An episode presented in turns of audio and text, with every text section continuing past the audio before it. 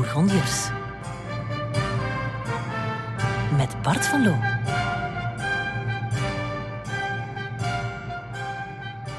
Elk boek en elk nieuw verhaal heeft een vonk. En die vonk die geschiet vaak heel lang geleden. Ik was 14 jaar ongeveer, 1987. In die periode, er waren niet zo heel veel boeken bij ons thuis. Maar er was wel Artis Historia. Dus je, hoe meer je at, hoe meer kennis je kon vergaren. En er was één reeks die mij bijzonder intrigeerde. Dat was Slans Glorie. Die titel alleen al. En, en die prenten, daar op de achterkant stond dan een tekst, een beetje een schoolmeesterachtige teksten van een zekere Schoonjans. Maar op de voorkant de prenten gemaakt door Jean-Léon Huens. Die met zijn penseelstreken tussen, dat is tussen 1949 en 1961 dat hij dat heeft gedaan, wel een titanenwerk, maakte hij die prenten. En wat ik nog maar pas heb geleerd is, want ik dacht dat dat heel grote prenten waren, die waren origineel gemaakt op de grote, zoals ik ze met mijn, met mijn jonge tienerhanden uh, voor me uit zag liggen. En, en hij probeerde onverwachte gezichtspunten uit, kadreerde verrassend, schilderde tronisch van stervende mensen. Heeft iemand het over Karel Martel, Godfried van Bouillon, of Willem van Oranje, dan verschijnen die in mijn gedachten zoals hij ze ooit verbeelde. En één prent springt er, die springt eruit. Die prent staat ook vooraan in mijn boek. Prent nummer 182 staat gewoon bij als titel Nancy, de stad in Lotharingen. En wat we zien, ik, ik heb ze hier voor mij liggen, we zien eigenlijk een boom, een sneeuwvlakte, een kasteel in de verte en er komen twee mannen aanlopen. Opmerkelijk kaal, want vaak uh, was het een aangrijpende scène of een detail van een of andere veldslag. Maar hier, een, nou, op het eerste zicht is buiten die sneeuw en die twee mannen niet veel te zien. En dan las ik de tekst die erbij stond. In 1477 belegerde Karel de Stoute de stad Nancy. Hij vond er de dood in een gevecht waarvan de omstandigheden duister zijn gebleven. Zijn lijk werd half verslonden door de wolven, onder de sneeuw teruggevonden. Onder de sneeuw teruggevonden. En dan pas ben ik dat printje goed gaan bekijken. En dan zie je inderdaad vooraan zie je een lijk in de sneeuw liggen. En ik, ik, ik zag dat lijk liggen. Ik ging terug naar die tekst. Terug naar dat printje, terug naar die tekst. En ik dacht, god, wat een beeld. En ik vroeg mij altijd opnieuw af, wie was die Karel de Stoute? Waarom heette die de Stoute? Wat was hem in godsnaam overkomen in Nancy? Waar ligt Nancy? En hoe zat dat dan met die wolven? Dat is de vonk. Dat is dus de onbewuste vonk van, van, van mijn verhaal. Veel later schrijf ik dit boek, De Bourgondiërs. En ga ik dus eigenlijk doen wat ik als jong kindje altijd heb willen doen. Namelijk uitzoeken wie die Karel de Stoute was. Wat blijkt, dat is in zekere zin het eindpunt van dat machtige Bourgondische verhaal. Daar gaan we naartoe, naar die sneeuw, naar die wolven, naar Nancy, naar januari 1477.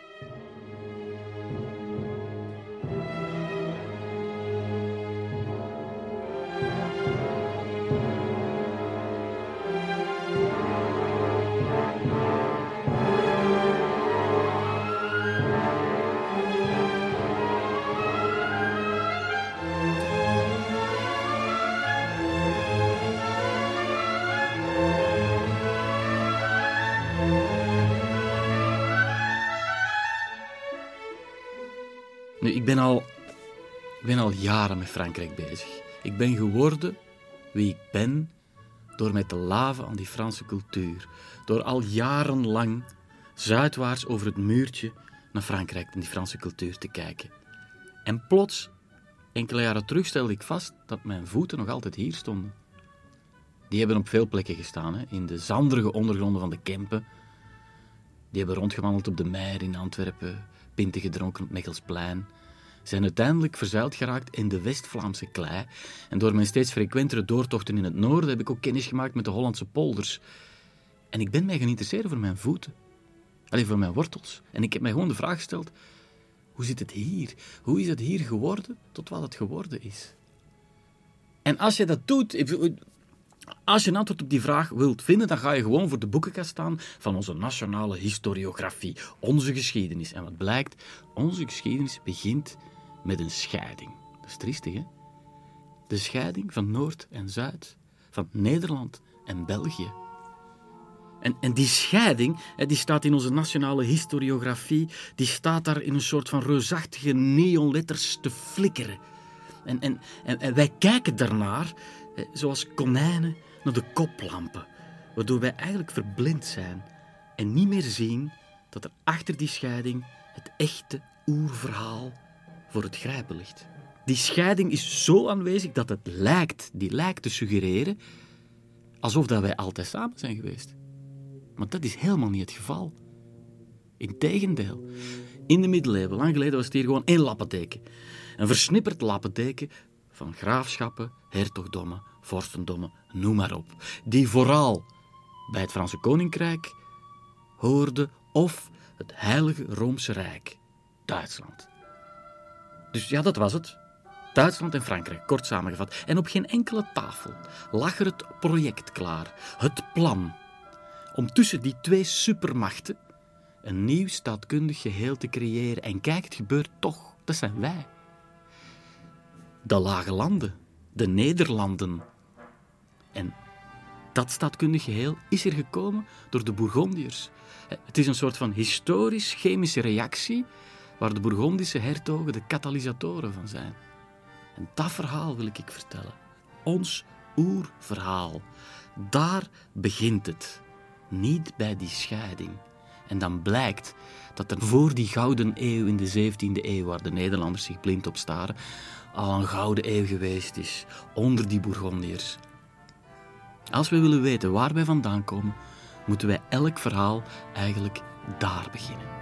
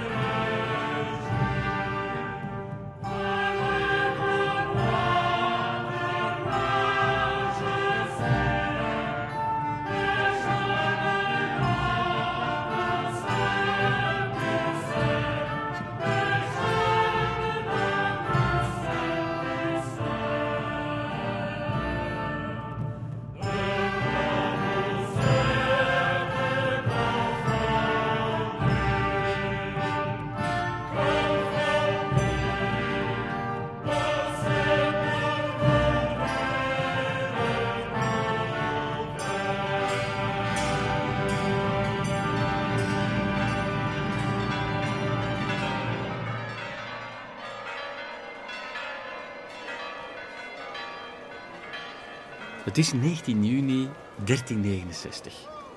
We bevinden ons in Gent. Op Parijs na, de grootste metropool boven de Alpen, goed voor 60.000 inwoners. En dat is veel. Dat is heel veel als je weet dat Amsterdam op dat moment amper 3000 zielen telt. Het is 19 juni en de zon is op de afspraak.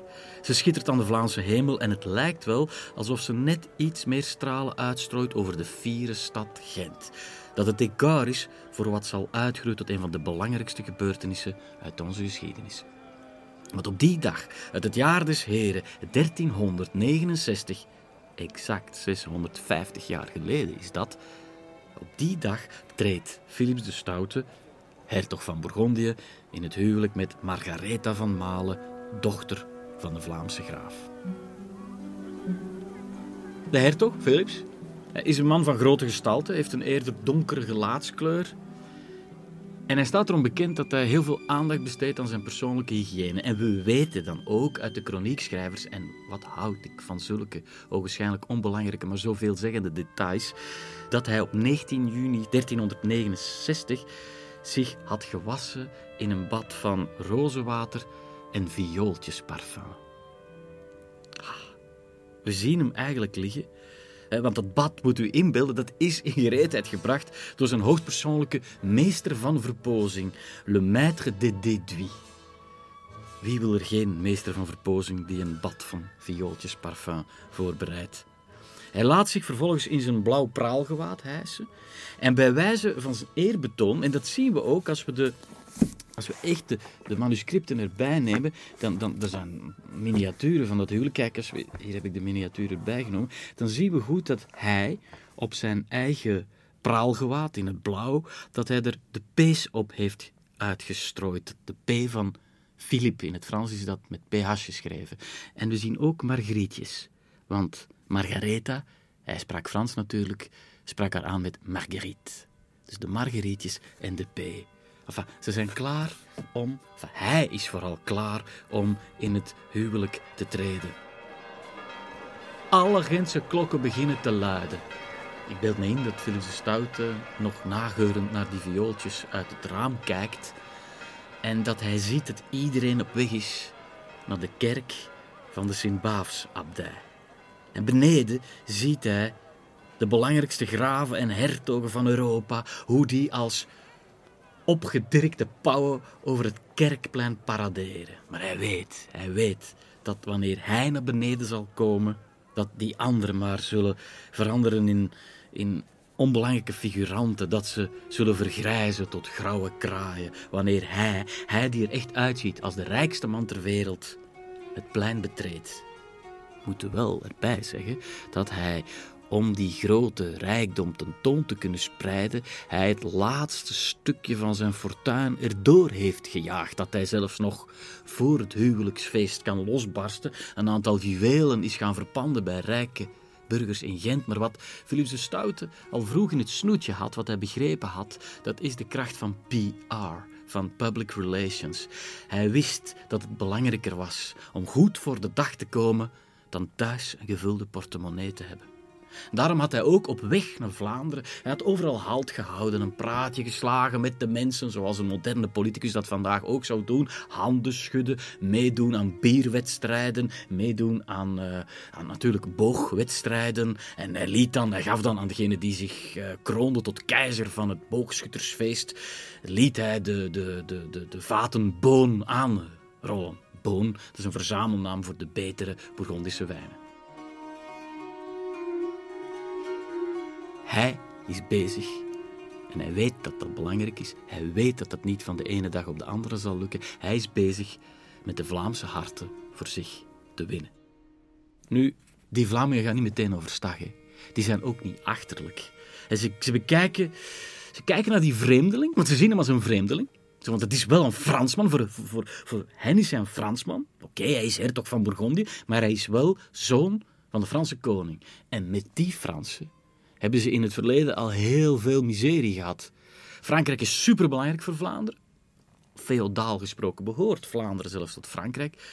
Maar denk alleen maar aan de Gulden Sporenslag, 1302, we zijn in 1369. De Vlamingen houden een slag om de arm. Eh, om de dingen even heel scherp te stellen, moeten we goed begrijpen dat op dat moment Philips de Stoute, hertog van Bourgondië, is maar nog geen graaf van Vlaanderen. Hij trouwt met de dochter van de Vlaamse graaf, Lodewijk van Malen, die dat moment nog de sterke man is van het graafschap Vlaanderen. Hij heeft geen zonen, Margarethe is de troonopvolger. Philips wordt, als alles goed gaat, de nieuwe graaf van Vlaanderen.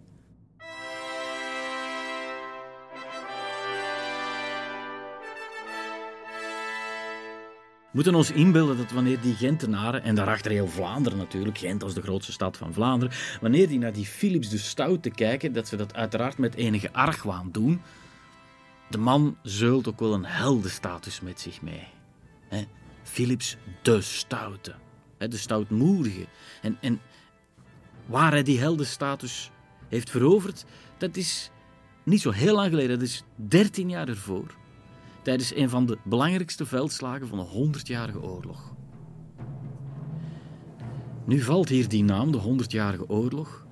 Allemaal hebben we dat ooit wel eens op de schoolbanken op ons bord geserveerd gekregen.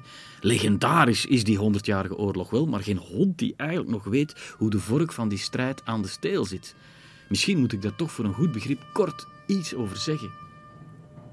Om die honderdjarige oorlog goed te begrijpen, knip ik even in mijn vingers de teletijdmachine in en we gaan 60 jaar terug naar het tijdperk van Philips de Schone. Philips de Schone, die kennen wij Vlamingen maar al te goed. Het is die kerel die wij, al was hij er persoonlijk niet bij, maar het is wel zijn leger, en in 1302 op de Groningenkouter bij Kortrijk een pandoering hebben gegeven waarvan ze in Parijs, enfin, waar wij vooral in Parijs spreken we er niet meer over, maar waar wij nog altijd over spreken.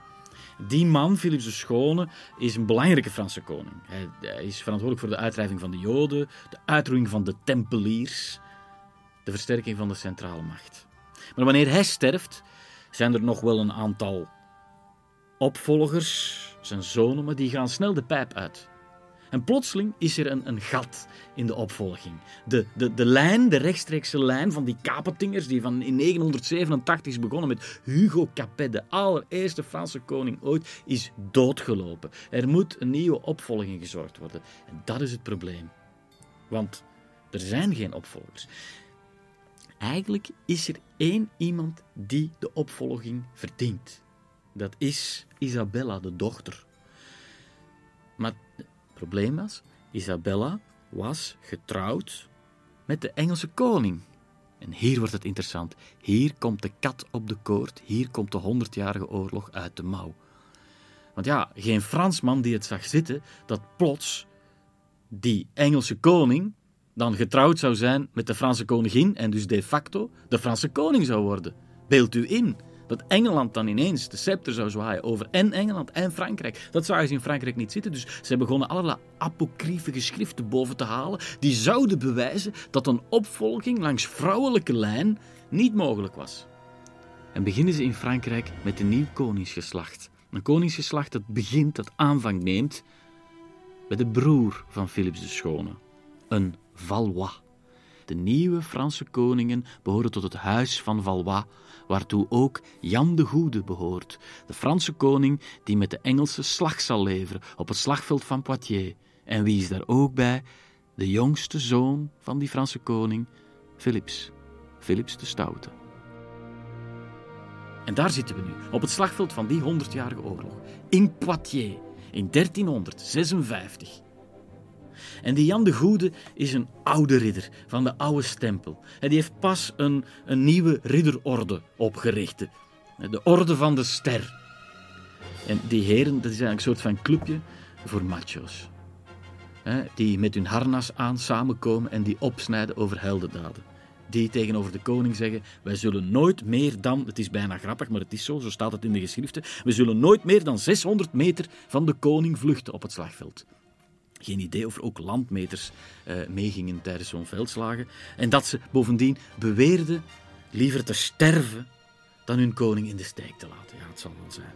Maar het is die heigerige heldenmoed. Wij ridders, wij vooraan. Niet het gewone voetvolk, niet de boogschutters zoals de Engelsen wel deden. Wij geloven in oude heldenmoed. Wij gaan vechten en wij gaan de eer van het vaderland verdedigen. Die heigerige heldenmoed zal Frankrijk de das omdoen.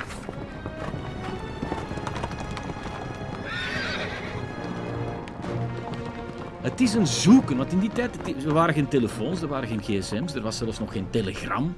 Uh, dus ja, hoe konden twee legers elkaar vinden? Een mens staat daar nooit bij stil, maar die moesten elkaar vinden in Frankrijk.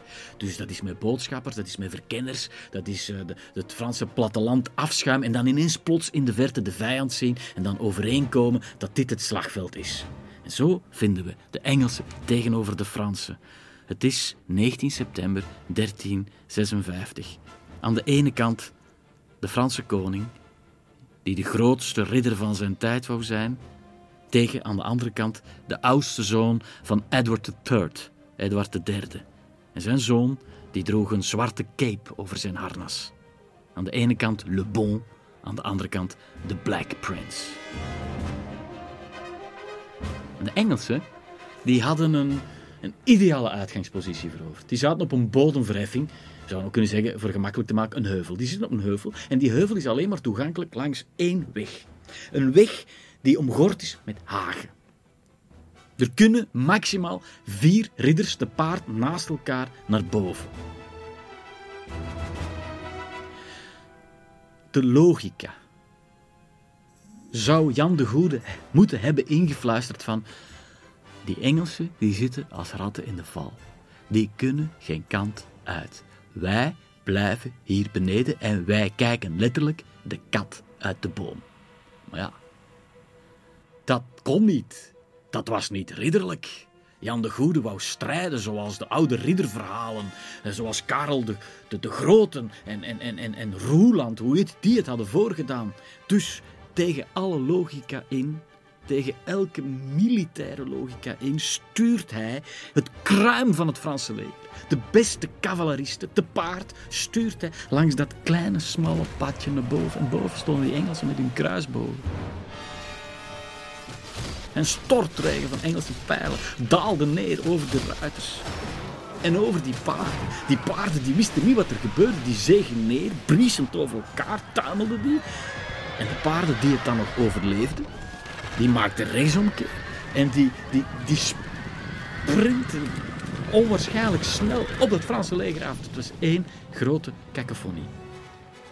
Ineens beseft Jan de Goede, terwijl hij dat ziet gebeuren, dat het echt wel dom van hem was dat hij heel zijn familie had meegenomen. Daarmee bedoel ik, hij had al zijn zonen mee op het slagveld. Ineens dachten van, nog altijd vol overmoed, maar stel dat het hier slecht afloopt, ja, wie moet er dan op de troon gaan zitten als wij allemaal sterven of gevangen genomen worden? Dus zegt hij tegen al zijn zonen, behalve de jongste, zijn lieveling, Philips de Stoute. Maak u uit de voeten. Eh, zorg dat de troon toch nog bemand wordt na deze strijd. En die draaien rechtsomkeer met hun gevolg en het hele leger ziet dat gebeuren en denkt, nogmaals, geen gsm's, geen manier om, om heel het leger meteen direct op, op, op de hoogte te brengen van wat er gebeurt. Die denken dat het Franse leger vlucht. Vaandelvlucht. Waardoor de chaos enorm wordt, waardoor er nog mensen vluchten. Wat is het antwoord van Jan de Goede op wat er dan gebeurt? In de kronieken lezen we dat hij de volgende woorden uitsprak: Oprukken! Ik zal deze dag tot een goed einde brengen of omkomen op het slagveld. Hij wist heel goed dat hij nooit zou gedood worden als hij één gewaad over zijn harnas zou dragen. De blauwe mantel, geborduurd met de gouden lelies, het symbool van de Franse monarchie. Want u moet zich inbeelden, wat, wat, wat was het, het uiteindelijke doel van een veldslag? Was natuurlijk de veldslag winnen. Degene die het slagveld, die als laatste op het slagveld blijft, die is gewonnen. Want de rest is weg, gevlucht. En ten tweede, zoveel mogelijk, niet zoveel mogelijk mensen doden, dat gebeurde uiteraard, maar zoveel mogelijk hoge militairen, aristocraten, als het kan, graven of koningszoon of waarom niet de koning, gevangen nemen en dan die verkopen of terug vrijlaten in ruil voor een hoog losgeld. Dus die Engelsen die zien dat, dat, dat het Franse leger volledig in, in de pan wordt gehakt. En die zien tot hun grote verbazing dat de Franse koning, die ze heel duidelijk herkennen aan zijn blauwe mantel met zijn, met zijn gouden lelies op, dat die als een gek begint door te vechten. Niemand begrijpt het, maar ze zien het wel en ze doen maar één ding. De Engelsen proberen dichter en dichter en ze hakken zich een weg tot vlak bij Jan de Goede. Maar die blijft het blijft onwaarschijnlijk. Die blijft eh, uitstralen dat hij bereid is om te vechten tot de laatste snik. Tanden worden uitgebraakt, armen afgehakt, ingewanden weer in open buiken geduwd en de kring rond de Franse vorst die wordt steeds meer klein. En Philips, onze Philips de Stoute, de Benjamin, die wijkt voor geen millimeter van de zijde van zijn vader. Hij zal zijn vader beschermen. Hij zal zijn vader in zekere zin redden. Pas op, vader links, roept hij. En zijn vader, die tenslotte een van de meest gevreesde houdeigens van Europa was, die baant zich, ondanks zijn afgeslagen helm, het klinkt filmisch, maar het was het ook, die baant zich toch een weg naar links. Pas op, vader rechts, roept Philips de Stout, zijn jongste, zijn geliefde jonge zoon. En opnieuw, zwaaiend met zijn hakbijl, schakelt dankzij de tip van zijn zoon, schakelt Jan alweer een dichtgenaderde Engelsman uit. Maar ja, dit kan niet blijven duren. Ze staan met hun voeten in het bloed. En plots is er iemand die spreekt tot de Franse koning. Hij spreekt in het Frans. Het is een Vlaming. Een Vlaming die uit het Frans sprekende gedeelte van Vlaanderen kwam. Dennis van Moerbeke. En, en die roept, die was eigenlijk een moordenaar. En die was dan maar gevlucht om zijn straf te ontkomen. En die vocht nu aan de Engelse kant mee tegen de Frans. Maar die zag zijn kans. En die riep in het Frans: Geef u over, sire. Geef u over. Anders overleeft u het niet. En Jan de Goede keek naar Dennis van Moerbeke, verbaasd, maar toch al met een berusting in zijn blik. En hoorde diezelfde ridder nog zeggen: Ik ben een ridder uit Artesië. Geef u over aan mij en ik breng u naar de prins van Wales. Ik breng u veilig, ongeschonden naar de Black Prince. En dan gebeurt het. De Franse koning geeft zich over. En dat wat tot milliseconden ervoor nog één gekrioel was van op elkaar, in elkaar hakkende mensen, valt stil. Het, het beeld wordt stilgezet. En al wat we nog zien is hoe Jan de Goede, Jean Le Bon, samen met zijn zoon Philips gevangen wordt genomen. Philips die trots is. Ik beeld mij in dat Jan de Goede, terwijl ze naar de tent van de Black Prince worden geleid, toch wel eens een schouderklop heeft gegeven op zijn zoon, aan wie hij eigenlijk zijn leven heeft te danken. Het is dankzij die dag, die slag en de heldenmoed die Philips van Frankrijk, de jongste zoon, de Benjamin van de Franse koning, die hij daar toen tentoon heeft gespreid, dat de kroniekschrijvers hem trots, omdat ze toch iets moesten hebben waar Frankrijk zich aan zou kunnen aan optrekken, dat ze de jongste koningsschoon Philips omdopen tot Philips de Stoute. Philippe le Hardy, een kereltje dat toen amper 14 jaar oud was.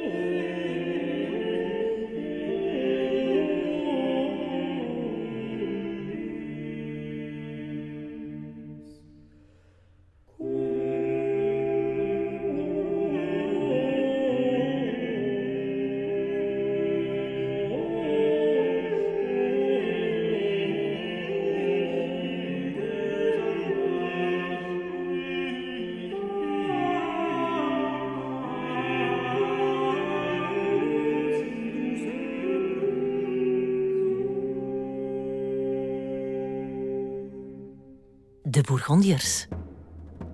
Met Bart van Loo. Philips, de Stoute, ja, zo mogen we hem ondertussen wel noemen. Hij heeft zijn naam, de Stoute. Maar verder is hij altijd nog maar slechts de zoon, de jongste zoon van de Franse koning. Hij is nog lang geen hertog van Bourgondië. Om een lang verhaal kort te maken, hij heeft zijn hertogdom te danken aan de gruwelijkste invasie uit de wereldgeschiedenis. Aan de stoottroepen van de Zwarte Dood. Want nadat Frankrijk dus eind jaren 30 afdaalt in de slangenkuil van de Honderdjarige Oorlog, krijgt het ook nog tegelijkertijd een van de meest vredaardige invasies uit zijn geschiedenis te verwerken. Het bacillenleger van de pest dringt binnen in 1348 via Marseille. En in de zomer is dat bacillenleger al in Parijs. De helft van de Parijse bevolking wordt weggemaaid en die epidemie raast noordwaarts. In Vlaanderen spreekt men van de haastige ziekte, of ook wel de gadood. De naam zegt alles. De getallen zijn vreselijk. Bijvoorbeeld in, in, in Givry, op 14 weken tijd, sterven 615 dorpelingen. Een dorp dat 1500 inwoners stelt. In Nuit Saint-Georges, dat we vandaag vooral kennen van de wijn, Côte de Nuit, doet weldra het volgende gezegde de ronde. En 1348, à nuit, sur 100 restèrent 8. Dat er acht van de 100 overblijven, dat is natuurlijk uh, om het rijm te dienen. Uh, maar Jean Froissart, en hier valt zijn naam, Jean Froissart is een chroniekschrijver die nog geregeld zal opduiken in dit verhaal. De beroemde Jean Froissart beweert dat een derde van de wereldbevolking, de wereld bestond natuurlijk vanuit standpunt alleen maar vanuit Europa, dat een derde werd weggemaaid. En dat hallucinante cijfer wordt door later historisch onderzoek gewoon bevestigd. De pest gaat natuurlijk sneller tekeer bij de armen, maar de rijken worden niet gespaard. Onze Jan, Jan de Goede, de vader van Philips, die verliest zijn vrouw en zijn moeder. En hij vraagt onmiddellijk aan allerlei geleerden, in zijn rouw, in zijn miserie, te midden van zijn tranen, zegt hij tegen de geleerden, alsjeblieft, zoek een oplossing. Waar komt die pest vandaan? Waar hebben we die helse plaag aan te danken? En, en die geleerden die gaan in een soort van houding staan. En die wijzen naar merkwaardige planeetstanden. Ja, dat is natuurlijk onzin. Want de, de, de, de, gewone mens in straat die zegt van ja, wat is dat nu? De, de, de kwaal moet veel verder van huis gezocht worden. Het is de toorn gods. Die alleen kan zo'n bijbelse plaag ontketenen. Wat is de oplossing die de wereld verzint? De eerste oplossing die kennen we allemaal nog wel uit de prentjes van vroeger. Het zijn halfnaakte boetelingen die opduiken in het straatbeeld en mensen die niet beter weten dan alle zonden uit te drijven door zich te kastijden. Eh, met van ijzeren punten en voorziene zwepen. Nu moeten we wel eerlijk zijn dat dat een spectaculaire onderneming was, maar dat die natuurlijk de mensheid niet zo heel ver heeft uh, vooruitgeholpen. Een zondebok het woord is gevallen. Zo meenden de mensen. Zondebok aanduiden, dat zou voor de oplossing zorgen. En die vingers die wezen toen al maar één richting uit. De Joden zouden fonteinen en waterputten hebben vergiftigd. En in Antwerpen, Brussel, Basel, Straatsburg, Frankfurt, Keulen, Narbonne, Chinon, maar ook in het Bourgondische Boon, overal worden ze simpelweg uitgeroeid of hardhandig verjaagd. Je kunt je dan de vraag stellen dat het toch wel moet opgevallen zijn dat die Joden zelf ook aan de pest sterven. Bon. Eén ding is duidelijk. Nadat de zwarte dood een einde maakt aan de fysieke conditie van de mensen, is het volgende slachtoffer het gezond verstand. Wat, wat waren de symptomen van de pest? Laten we die nog eens oprakelen. We kennen ze wel natuurlijk. Pijn in de borst. Dan opwellend bloed in de keel. Plots verschijnen er abscessen vol pus op armen en bovenbenen. Zwarte vlekken op de huid. En dan een korte doodstrijd. Niemand die er ook maar een halve seconde aan dacht dat de vlooien en de ratten, die zo'n vertrouwde gezelschapsdieren, als ik me zo mag uitdrukken, van de mens waren, dat die er voor iets zouden tussen zitten.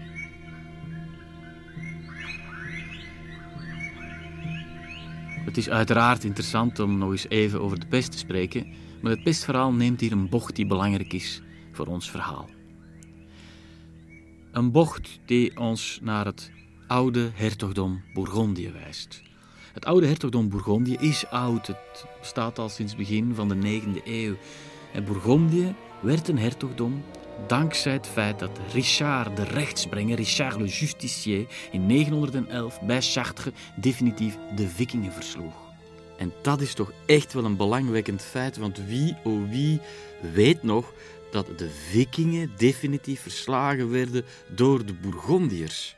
Een interessante kleine parenthesis binnen dit verhaal, um, want ja, de Noormannen zijn verslagen en zij krijgen een stuk land toegewezen. De deal is: ga daar wonen, hou je koest, bekeer je tot het christendom en basta. En zij krijgen het graafschap Vlaanderen aangeboden. Vlaanderen.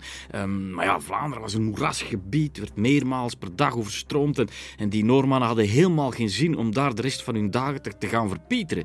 In dat moerassig stukje Vlaanderen. Dus ze weigeren. Er komen nieuwe onderhandelingen en uiteindelijk krijgen ze een nieuw stuk grond aangeboden. Daar gaan ze wonen en daar zullen ze hun naam achterlaten. Normandië.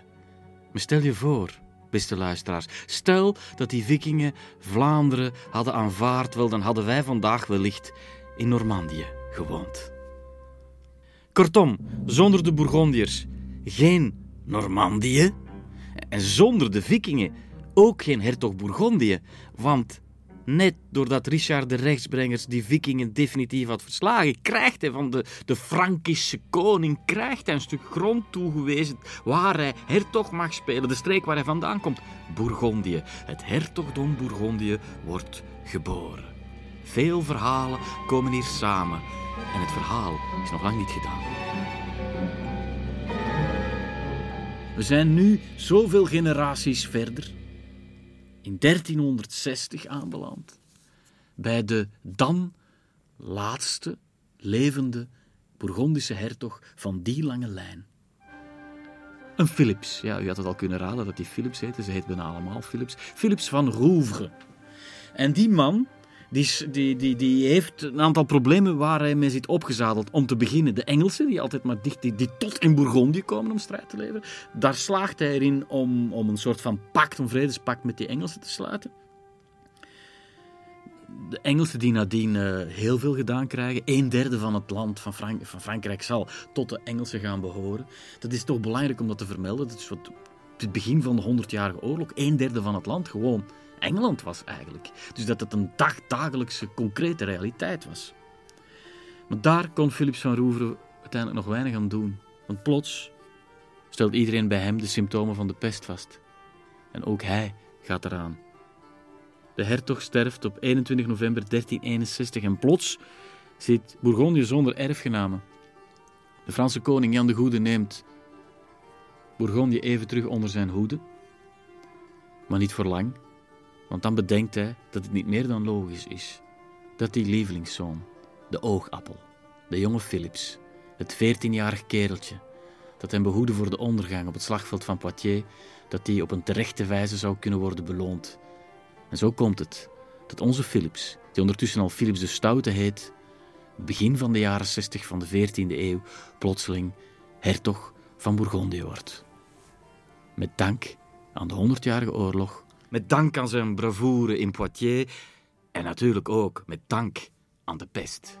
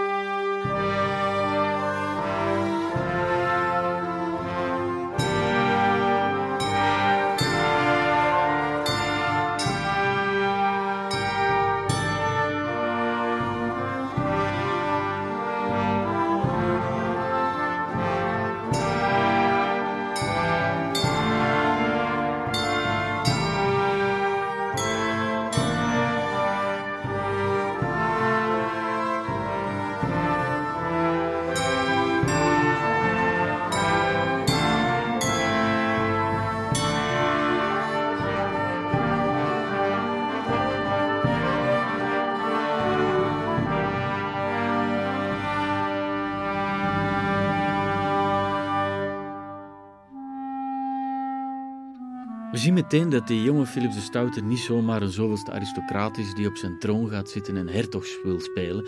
Nee, hij steekt echt de handen uit de mouwen. Om te beginnen zal ik kom afmaken met de rondtrekkende bendes van Engelse en Franse soldaten, want er is dan wel een soort van vrede gekomen tussen Engeland en Frankrijk.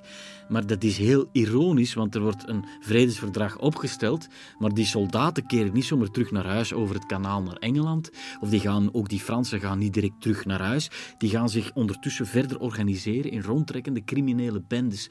En dit is een soort van plaag die nog erger is dan de periodieke veldslagen van een reguliere oorlog. Daar maakt hij komaf mee. Hij verbetert het systeem van jaarmarkt en nu wordt het interessant, want als wij aan Bourgondië vandaag denken, dan voelen wij al hoe onze neus en uh, hoe, hoe, wij onze rechterarm al zo van die omvattende gebaren, ik bedoel dan het omvatten van een glas, uh, begint te maken met ons, ons reukorgaan daarboven. En wij dan allemaal omtergeleerd proberen te, te voorspellen of de wijn die we in onze handen hebben eigenlijk wel te drinken is. De Bourgondische genoogden van het betere leven hebben wij uiteraard, uiteraard, dat is niet zo logisch, niet, niet, niet zo evident, hebben wij effectief wel te danken aan die Bourgondiërs. Dat moet een keer onderstreept worden.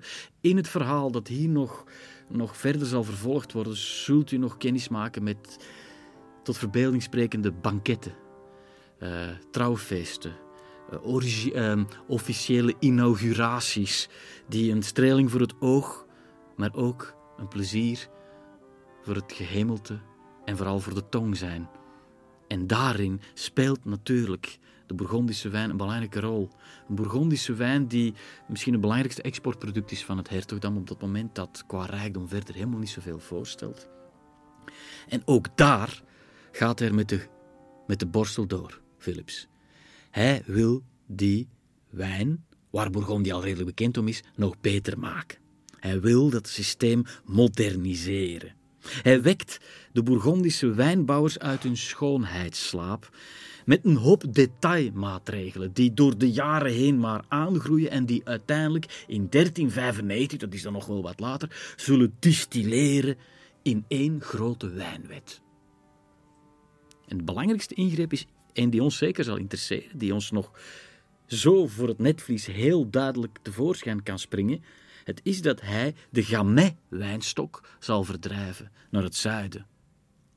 En dat is wat er ook gebeurd is. De Gamay is de wijn van de Beaujolais. En waar ligt de Beaujolais? Onder de Bourgogne. Dat is toen begonnen. En waar begint hij daarna mee? Hij begint met het promoten van een andere druif. De Pinot Noir. Ja, als wij vandaag over Burgondische wijnen hebben, dan spreken we dat in één adem uit met de Pinot Noir. Het is Philips de Stoute die die Pinot Noir als officiële Bourgondische druif zal installeren. Want die Pinot Noir die gedijde beter op de typische klei- en kalkgronden. En die begon zo snel aan een opmars dat ze zou uitgroeien tot de Bourgondische druif bij uitstek. Beaune, Pommard, Volnay, de beste Bourgognes die worden gemaakt met Pinot Noir. En die vaten die gebruikt hij natuurlijk om die Vlaamse patriciërs als nieuwbakken hertog en als toekomstige graaf, die wil hij paaien met vaten boon, omdat dat de beste wijn ter wereld is. Die wijn, dat is een diplomatiek wapen om u tegen te zeggen. Het is ook natuurlijk pure commerce, want als het seizoen daar is, dan kun je in het paleis in Dijon kun je gewoon de vaten wijn aan de deur kopen. Deze hertog was een machtswellusteling, was een man die van PR kaas had gegeten, maar het was ook een diplomaat van de bovenste plank.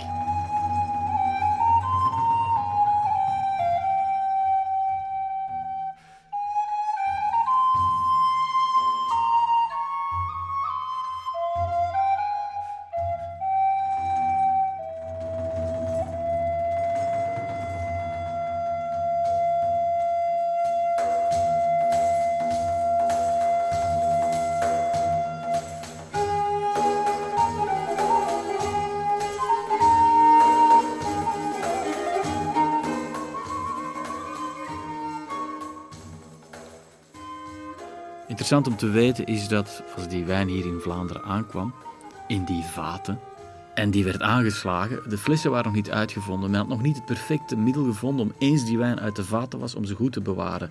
Er was maar één oplossing voor. Snel drinken. Uh, nu, je zou dan kunnen zeggen, werden ze dan niet sneller dronken dan vandaag?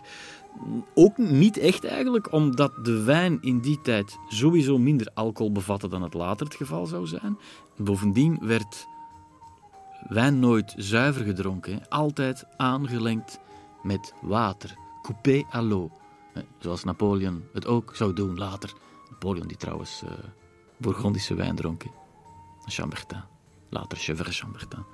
En dus dat hij dus minder sterk was, maar ook nog eens aangelengd met water, dat verklaart wellicht de, wel werkelijk, gargantueske hoeveelheden wijn die door middeleeuwers werden gedronken. Ook op het trouwfeest in 1369, weet u nog, in juni, in Gent, waar de klokken van de Sint-Baafs aan het luiden waren op het ritme van de aanrollende vaten uit Boon.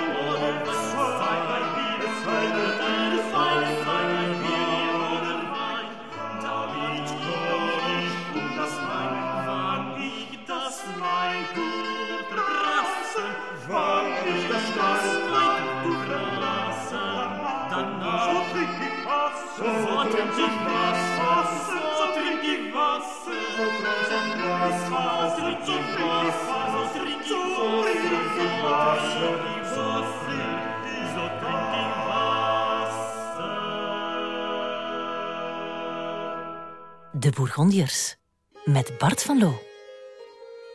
Ik heb u helemaal bijgepraat. De pest, de Honderdjarige Oorlog, zelfs de Bourgondische wijn. We kunnen nu met een gerust gemoed terug afzakken naar die 19 juni in 1369 in Gent. Philips de Stoute is naar beneden gekomen op het kerkplein. Maar natuurlijk staat hij daar niet alleen. Hij is op weg naar zijn toekomstige echtgenote, Margaretha van Vlaanderen. De chroniekschrijvers hebben zich zo georganiseerd dat we exact weten welk parfum de hertog heeft opgedaan. Bij de dochter van de Vlaamse graaf moet ik op die vraag het antwoord schuldig blijven. Wat ik u wel kan vertellen over haar is dat ze een opmerkelijk huwelijksleven had. Enfin, als ega van Philips de Stoute vervult ze treffelijk haar ettelijke plichten. Ze knijpt, zoals het hoort, een oogje toe als de man op zijn reizen al eens iemand anders diep in de ogen kijkt. Ze voedt zelfs het handvol bastaards op aan het hof. Dat gebeurde wel meer in die tijd, tenzij het natuurlijk de spuigaten uitliep, zoals bij haar kleinzoon Philips de Goede. Maar over diens erotische strapatsen zullen we het later nog hebben. Het huwelijksleven, daar had ik het over. Wat was er dan zo opmerkelijk aan haar huwelijksleven? Wel, dat ze al eens was getrouwd. U zal zeggen, dat is nu toch niet zo opmerkelijk. Nee, waar het niet dat ze als jong meisje was uitgehuwelijkt aan Philips van Rouvre. Jawel, de betreurde hertog van Bourgondië. En kijk, nu opnieuw, jaren later, verzeilt ze, toen was ze nog een kindje, nu een volwassen vrouw, verzeilt ze opnieuw in een Bourgondische sponde. Maar Philips de Stoude die was uit ander hout gesneden dan de jonge gestorven Rouvre. Nu had ze een man met een ijzeren gestel in haar bed. Eentje met koninklijk bloed in zijn aderen en vooral gepeperde ambitie in zijn ogen. Zelf was ze ook van geen kleintje vervaard, want ze zou Philips bijstaan in zijn bestuurlijke taken. Je moet weten, die hertog die was zo vaak onderweg dat zij wel eens alleen haar mannetje moest staan in Vlaanderen. En dat deed zij ook. Als onze diepe duik in de late middeleeuwen ons iets leert, dan is het wel dat dames van wanten wisten. Zo ook Margaretha van Malen, dochter van Lodewijk van Malen, alle twee geboren op het kasteel van Malen, dat nog altijd bestaat. Kasteel ligt in Sint-Kruis, een deelgemeente van Brugge. Kasteel dat sinds enkele jaren in bezit is van een diepvriesgroentenmiljardair. Gelukkig de man die deze woorden tijdens een scrabbelspel kan leggen. Die diepvriesgroentenmiljardair opent af en toe de deur naar verluid van zijn kasteel en dan kun je daar als gewone sterveling de verhalen die we hier opdissen gaan opsnuiven. Minstens één keer moet Margaretha van Malen, haar nieuwe echtgenoot Philip de Stoute, mee naar boven op de slottoren genomen hebben van haar vaderlijke kasteel. En daarboven op het hoogste puntje met een wijds gebaar hem gezegd hebben: Dit, dit is het begin, het begin van Vlaanderen. In de verte, met goed weer, vanuit Brugge weten we dat, dat zie je in Belfort ook, zie je de kust. En het is daar dat de oorsprong van Vlaanderen ligt. Flauma. Uit dit Germaans woord kwam Vlaanderen aan land gekropen, letterlijk. En flauma betekent vloed. In de vroege middeleeuwen werd de kuststreek tweemaal daags overstroomd en drong de zee diep door in het Middenland. En zo ontstonden allerlei eilanden. Het grootste eiland lag centraal voor de kust. Testerep, verbasterd tot Terstreep. Dat was het bekendste en het grootste. Op het west- en het oosteinde van dat eiland verrezen twee dorpen die hun naam niet gestolen hebben: Westende en Oostende. En in het midden plaatst men een kerk. Middelkerken. Soms zijn de dingen heel eenvoudig uit te leggen.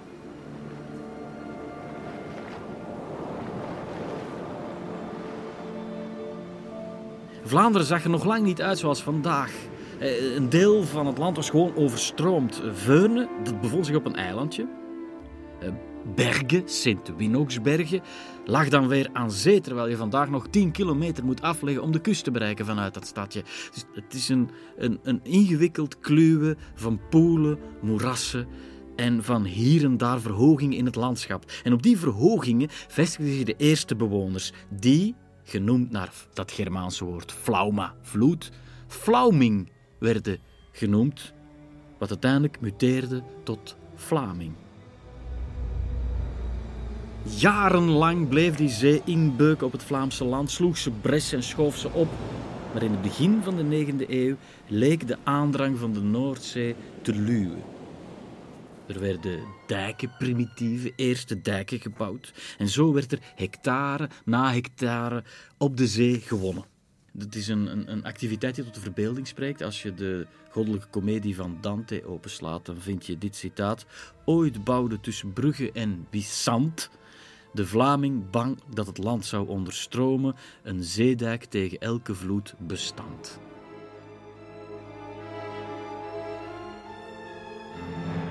En dat water is zeer belangrijk voor Vlaanderen. De rivieren, het is aan die rivieren dat ook de, de, de voornaamste nederzettingen zich zullen vestigen. Als je de vroege geschiedenis van Vlaanderen wil vertellen, dan moet je laarzen aantrekken. Rijssel, Insula, Isle, Rissele, Lille, Rijssel, komt rechtstreeks van het eiland. Uh, het Keltische woord Ganda, samenvloeiing, dat vormt niet zomaar de etymologische kiem van Gent, waar Leien en Schelde elkaar omarmen. Net zoals alles behalve toevallig Poorter is afgeleid van het Latijnse woord portus, haven. Vlaanderen zonder water is even ondenkbaar als een Belgisch café zonder bier. De ontbossing gaat zijn gang, de drooglegging gaat steeds verder, de nederzettingen aan belangrijke punten van de rivieren die worden steeds groter en groter. En rond 1200 is Vlaanderen een van de dichtstbevolkte regio's van Europa. De, met als bijzonderheid dat de meeste steden maximaal een kleine dagmars van elkaar verwijderd lagen. En een kwart van de bevolking woonde in de steden. Dat is een graad van verstedeling die werkelijk op dat moment ongezien is in Europa. Dat Europa dat zo ruraal maar is als je kunt bedenken. De, cijfers spreken voor zich. 45.000 inwoners in Brugge, Ieper 30.000, Gent loopt het op tot 60.000. In 1300 woonden er in Amsterdam 1000 mensen. Om het verschil duidelijk te maken.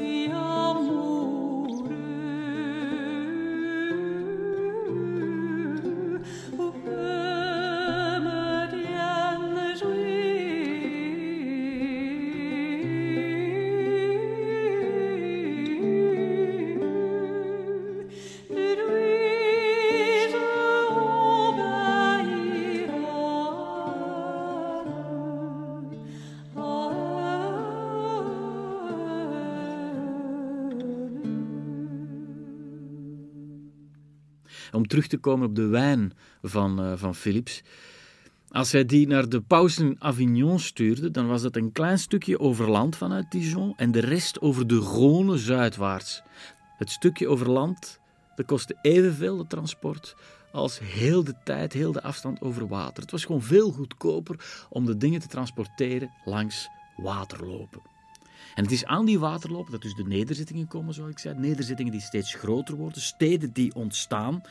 En er zijn twee dingen die aan de hand zijn. Enerzijds heb je om al die, die dijken te leggen, om al die waterwerken te krijgen, heb je arbeiders nodig. Want er valt met water geld te verdienen. Dus plots worden al die horige en lijfeigen in Vlaanderen, veel eerder dan elders in Europa, die veranderen in arbeiders.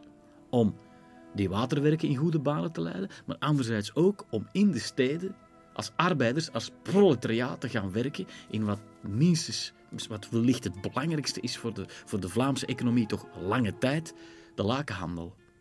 En, en, en die weefgetouwen die steeds gesofisticeerder worden, omwille van de rijkdom die dan innovatie uh, natuurlijk aantrekt en stimuleert, die zorgt ervoor dat die economie gewoon boomt. En dat Vlaanderen in de loop van de 13e, 14e eeuw in Europa werkelijk het rijkste land boven de Alpen is. Enkel verderop kunnen de Noord-Italiaanse staten wedijveren met Vlaanderen.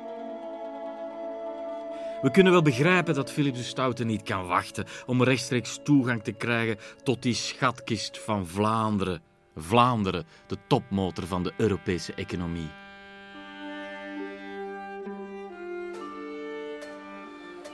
Nu, de term laken is licht verwarrend. Hè? Als, wij horen altijd maar de lakenindustrie. En wij denken dan misschien aan, aan uh, hetgeen wat je op een bed ligt. Maar daar heeft het natuurlijk niks mee te maken. Het waren geen lakens om onder te kruipen, om een zachte slaap te bereiken. Nee, het, het, het was gewoon uh, een stoepelen. Of anders ook weer stugge, vervilte wollen stof waarvan redelijk slijtvaste kledij werd gemaakt. Dus uh, ja, bijzonder belangrijk. En dat was natuurlijk hetgeen wat de Vlaamse steden internationale faam zal bezorgen. Alle naties ter wereld houden zich warm door de Engelse wol die Vlamingen tot laken weven, schrijft de Engelse Benedictijner monnik Matthew Paris in de 13e eeuw. Voilà, daarmee is alles gezegd. En toch, die lakenhandel mocht dan wel de meest in het oog springende parel zijn van de Vlaamse economie, toch was het niet daaruit dat het meeste geld werd gehaald meeste geld, de grootste inkomsten, die haalde het graafschap uit de handel tout En daar speelt Brugge een zeer belangrijke rol. Gent was de textielstad, Brugge de handelsstad. In Brugge komt heel Europa samen. Letterlijk, alle handelaars van alle windstreken zijn daar, maar ook alle producten. Hou u vast aan de takken van de bomen. Maar bent u op zoek naar Franse wijn, Portugese druiven, Maghrebijnse dadels, Hongaars goud, Poolse amber, Bulgaars hermelijn, Russische sabelbond, Tartaarse zijde, Armeens katoen of ja, uiteraard Engelse wol? Eén adres: Brugge. En die internationale handel omarmt Brugge met zijn tentakels en slokt het op met huid en haar. De jaarmarkt, dat is normaal gezien maar tijdelijk, maar Brugge verandert in een soort van permanente jaarmarkt. Die als een rusteloos monster het hele jaar door goederen blijft vermalen. Zo moeten we ons Brugge voorstellen. Het Brugse Belfort verrijst. Er komt een grote waterhalle, want het regent veel in Vlaanderen. Dat weten we natuurlijk. Toen was het ook al. En kon men dus, zelfs als het regende, de dingen die droog verhandeld en in- en uitgescheept moesten worden, kon dat overdekt gebeuren in die waterhalen. En wanneer Philips de Stout in 1369, het feest was in Gent, dat heb ik u al verteld, maar hij gaat de Bruggelingen natuurlijk ook rijkelijk uh, trakteren op vaten boon, moet hij zich wel de ogen uit het hoofd hebben gekeken. Want ja, door het succes van die handel, doordat heel Europa eh, in Brugge werkte, ja, werd er ook voor ander vertier gezorgd. En de prostitutie die borrelde naar boven uit de kleinste gaten en kieren in Brugge. Als hij de tijd had gehad, Philips de Stouten, om als een statisticus heel Brugge af te lopen en streepjes te zetten bij elk bordeel dat hij tegenkwam, dan zou hij geëindigd zijn bij het getal 140. 140 huizen van lichte zeden. Oké, de statistieken die zijn wat ze zijn, maar ooggetuigenverslagen die vertellen dat natuurlijk dan weer op een sappige manier. En er is een man, een Italiaanse rabbi, Judah Mins, en die heeft, naar eigen zeggen, een verklaring gevonden waarom Brugge veranderd is in de meest hoerige stad van het continent. Ze vinden, zo zegt hij, ze vinden het daar klaarblijkelijk een kloek idee om prostituees niet alleen op de markt, maar ook op alle pleinen en hoeken van hun huis te positioneren en de mannelijke inwoners zo te behoeden voor een grotere zonde: verkeer met getrouwde vrouwen. en dus terwijl dat de prostitutie stijgt, terwijl er dus steeds meer um, prostituees komen, daalt het aantal textielarbeiders. Brugge wordt een handelsstad. Gent zal de textielstad zijn in Vlaanderen. Brugge is een stad van kooplieden, makelaars, wisselaars van geld. Er moeten wisselkantoren komen. Er moet geld betaald en uitgewisseld worden. En die filialen die zullen zich ontvouwen tot de voorlopers van onze banken later. En meer zelfs, de herberg van de familie van de Beurzen, gebouwd rond 1285, is nog altijd daar, ligt daar nog, staat daar nog altijd in Brugge. Herberg van de Beurzen. Dat is de plek, de place to be. Daar moet je zijn om waardepapieren met elkaar uit te wisselen. ter beurze moet je zijn. Dat is een Brugse waarheid van een koe. En ja, de beurs, die voelt het al aankomen, de etymoloog in mij, die voelt weer dat zijn moment gekomen is. Want we hebben daar natuurlijk later de gekende financiële instelling, de marktplaats die wij beurs zijn gaan noemen, die, die komt daarvan. Wanneer dergelijke plaatsen later in Antwerpen en in Amsterdam komen, dan krijgen die ook de naam beurs, naar Herberg van der Beurzen in Brugge. En de andere talen die treden mij bij. Ah ja, Bourse in Frankrijk, Borsa, Italië. In Rusland, Birza, maar ik weet niet hoe je dat moet uitspreken. En zo stuurt dit economische sprookje Vlaanderen op in de vaart der volkeren. En als we Vlaanderen zouden bekijken met een louter 21ste eeuwse blik, zouden we Vlaanderen kunnen uitroepen tot het Silicon Valley van de middeleeuwen. Een regio die op industrieel, technologisch en commercieel vlak de toon aangaf.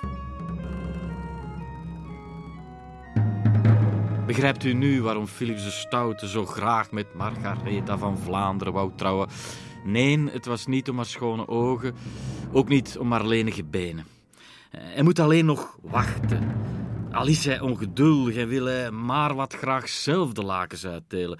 Zijn schoonvader Lodewijk van Malen blijft de sterke man, maar die, die maakt er een potje van en zal Vlaanderen meesleuren in een, in een vreselijke oorlog met Frankrijk. En die oorlog dwingt Philips de Stoute om de juiste positie in te nemen tussen Engeland en Frankrijk, tussen Bourgondië en Vlaanderen. Het dwingt hem om een diplomatiek veldheer te zijn. Maar vooraleer we bij dat militaire kluwen aankomen geschiet een blijde gebeurtenis. De geboorte van een troonopvolger. Volgende keer zijn we er live bij wanneer de oudste zoon van Philips de Stoute en Margaretha van Malen ter wereld komt. Zijn naam alleen al klinkt als een klok. Jan zonder vrees.